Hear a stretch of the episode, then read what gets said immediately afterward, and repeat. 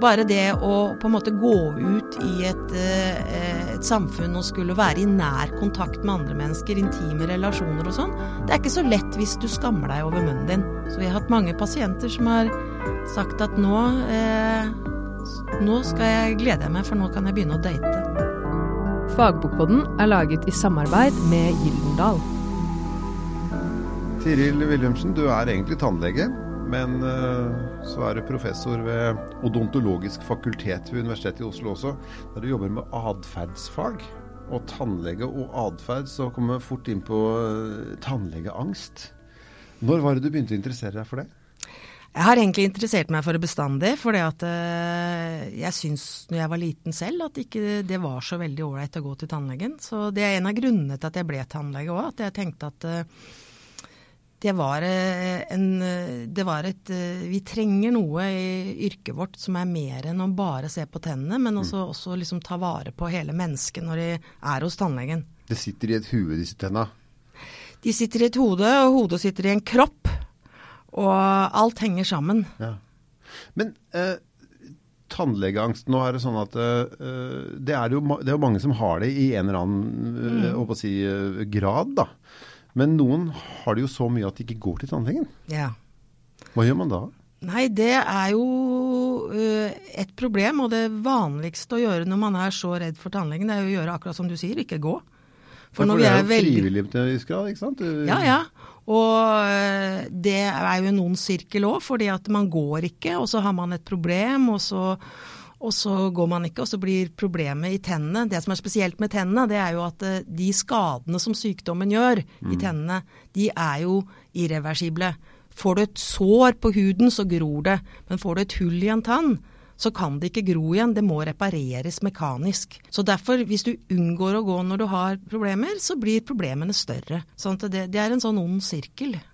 Og så går, kan tiden gå ganske fort, da, så at man liksom på en måte ikke kommer seg av gårde. Og så tenker man at eh, det er eh, mye som skal gjøres. Dette kommer til å ta mye ressurser, både fordi jeg gruer meg og det er Det blir dyrt? Det, blir dyrt, og det koster eh, For det er tøft å gjøre noe man gruer seg til. Men det er jo derfor vi er så opptatt av det med atferdsfag, da. At tannleger skal, og tannpleiere og alle vi som jobber på tannlegekontor, skal ta vare på hele pasienten og legge til rette sånn at det besøket blir best mulig for pasienten uten å være så angstdrivende. det kan kanskje eh, koke ned til en uh, ubevisst resepsjonist på et tannlegekontor som svarer litt for kort til en stakkar som har sittet og, og, tatt sats i to og et halvt år for å ringe? Kjempeviktig det første møtet. Derfor så er det utrolig viktig at alle som jobber på et uh, på et tannlegekontor liksom på en måte har like, har like stort ansvar for det. da.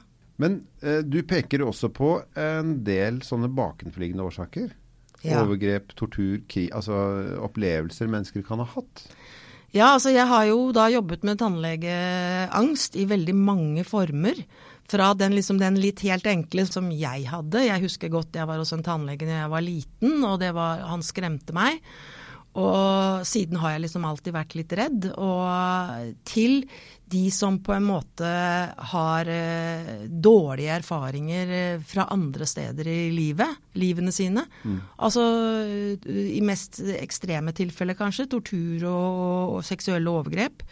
Som jeg også har jobbet mye med. Men øh, felles for alle er jo på grunn, er egentlig det der med med at man føler, lett kan føle seg hjelpeløs, og så er det noe som blir gjort som er vondt.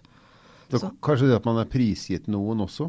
Altså, ja. Det er jo veldig sånn tillitssterk altså, eh, Å, å underkaste seg tannlegebehandling, kirurgi, et eller annet, det er jo man legger på en måte seg selv i hendene på noen andre akkurat der og da. Ja, og det er jo noe av det som er viktig med det fagområdet mitt, da, som er atferdsfag, eller odontologisk psykologi, for å si det sånn. Det er mm. jo det at man må tenke på at man må bygge en god relasjon. At man må, må vi som tannhelsepersonell, vi må gjøre oss vi må uh, gjøre oss fortjent til pasientenes tillit. Ja, for, for, for det, Akkurat det lurer jeg på. Altså, ja. Er det en veldig tillitserklæring? For det høres ut som at gå til legen er sånn ja, jeg går til legen, det er fagperson og sånn og sånn. Men er det egentlig tillit til andre om? At personen har tillit til det, det mennesket som sitter i hvite frakken? Jeg tror det handler mye om det. Eh, altså selvfølgelig så i, i, de enkle tilfellene med den angsten som ikke er så komplisert, så handler det veldig mye om tillit til at man gjør det man sier, man ikke gjør mer enn hva man sier, og at man gjør sitt for at det ikke skal gjøre vondt. Mm. At man er på samme lag, og at man vil hverandre vel. Mm. Og at man liksom på en måte ta vare på at tannlegen er, er, der for å ta vare på meg som pasient. Du sa en liten ting i en bisetning i stad om at du ble skremt som liten. Ja. Hva skremte deg? Det var rett og slett jeg skulle ta et røntgenbilde. Og det syns jeg var skummelt. Jeg, en tannlege med noen svære hender som skulle ta et røntgenbilde, det ville jeg ikke. Okay. Så det husker jeg veldig godt. Men jeg vil jo si at den type eh, frykt som jeg hadde da, den, den er jo i et trygt, et trygt, god barndom, hvor du har god støtte og folk er rundt deg, og du mm. ikke har noe annet som du eh, er redd for, ikke du har mye ubehagelig tannbehandling, så er det naturlig å være litt redd også for det med å skulle gjøre en sånn ting som ikke du er vant til å gjøre. Mm. Sånn at En naturlig frykt er jo vanlig blant barn, men det er liksom det å håndtere den sånn at den ikke utvikler seg til en mer alvorlig angst som liksom blir at man gruer seg veldig på forhånd, og at man ikke tør. Litt sånn på foreldrehake akkurat der, uh, for det er nysgjerrig på. Et barn som f.eks. ikke blir til tannlegen, fått litt hetta, f.eks. blir redd av et røntgenbilde. Mm. Jeg gjetter på at uh, dine foresatte så ikke den komme, liksom. Så, så, må de forholde seg til det. har du noen tips til hvordan man skal håndtere sånne ting?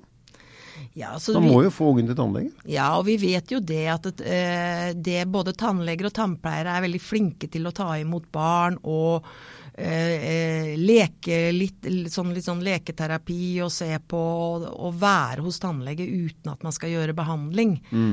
er jo veldig nyttig og Komme bra. Komme og bli kjent med tannlegen og, og gå kjent. igjen? Ja. ja. Telle litt tenner og se over. Og så er vi jo blitt mer og mer opptatt av det, da, at hvis det er store problemer som skal gjøres i, tann, i munnen på en lite barn, mm så burde vi kanskje tenke litt mer sånn som vi gjør på resten av kroppen. F.eks. hvis det er øre, nese, hals og sånn. At det er mer som bør gjøres i narkose. Ja. For det er jo Hvis det er eh, mye hull, eller hvis det er noe som skal trekkes, eller noe som skal opereres, eller litt sånne større ting, så er det kanskje ikke helt, uh, helt optimalt for små barn å liksom skulle gjøre ting, for de skjønner jo ikke helt hva som skal så, gjøres. Så det er en aksept i, i, i, ditt fagmiljø om at noe er så vidt, kan være så traumatiserende at man kan ta risiko ved å dope ungen helt ned? Ja, altså på lik linje med når du har sykdom ellers i kroppen. Mm. Eh, at man på en måte tenker hva er best for dette barnet på lang sikt.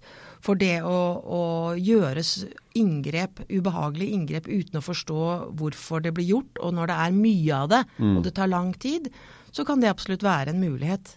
Hva tenker du når du ser voksne folk, eller, eller uh, unge for den del, med dårlig tannhelse i Norge i uh, nå 2020? Hva forteller det deg? Altså det uh, er jo sånn at det blir veldig ofte sagt at i Norge så har vi så god tannhelse. Og det har veldig mange. De aller, aller fleste har det. Statistisk har vi det. Statistisk har vi det. Men det er noen som ikke har det. Det Noen som ikke har det, og de faller veldig utenfor. Og det å ha dårlig tannhelse i Norge i dag, det er et stort uh, eh, handikap.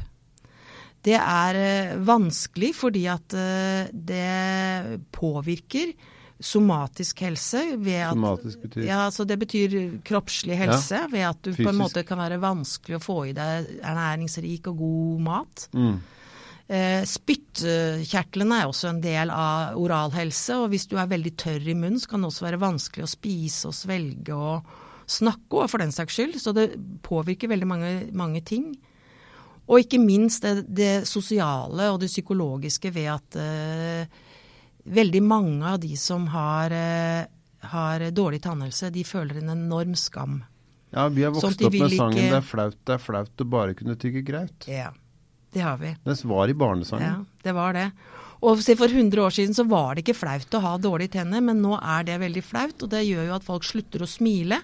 Slutter å gå ut. Slutter å på en måte eh, gjøre ting som er eh, helt vanlige hvis du skal ha en god livskvalitet. Da. Er det som å være fattig i det landet der alle er rike? Det er jo Litt som det, ja. ja. Og kanskje litt, eh, litt to sider av samme sak òg. Vi ser jo veldig ofte at de som har veldig dårlig tannhelse, det er sammensatt. Det er De har hatt kanskje ikke fått, ikke fått den kunnskapen og den støtten hjemme når de var barn, for å unngå at de har fått mye hull.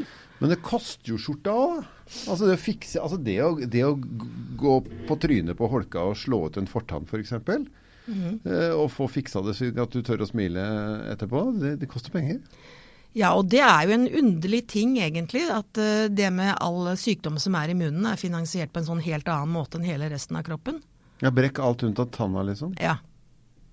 Og enda så er jo liksom på en måte eh, Tanna er, det er jo, må nødvendigvis bli dyrt å reparere når du ikke det gror selv. For da må du erstatte det med, med tekniske eh, løsninger og reservedeler.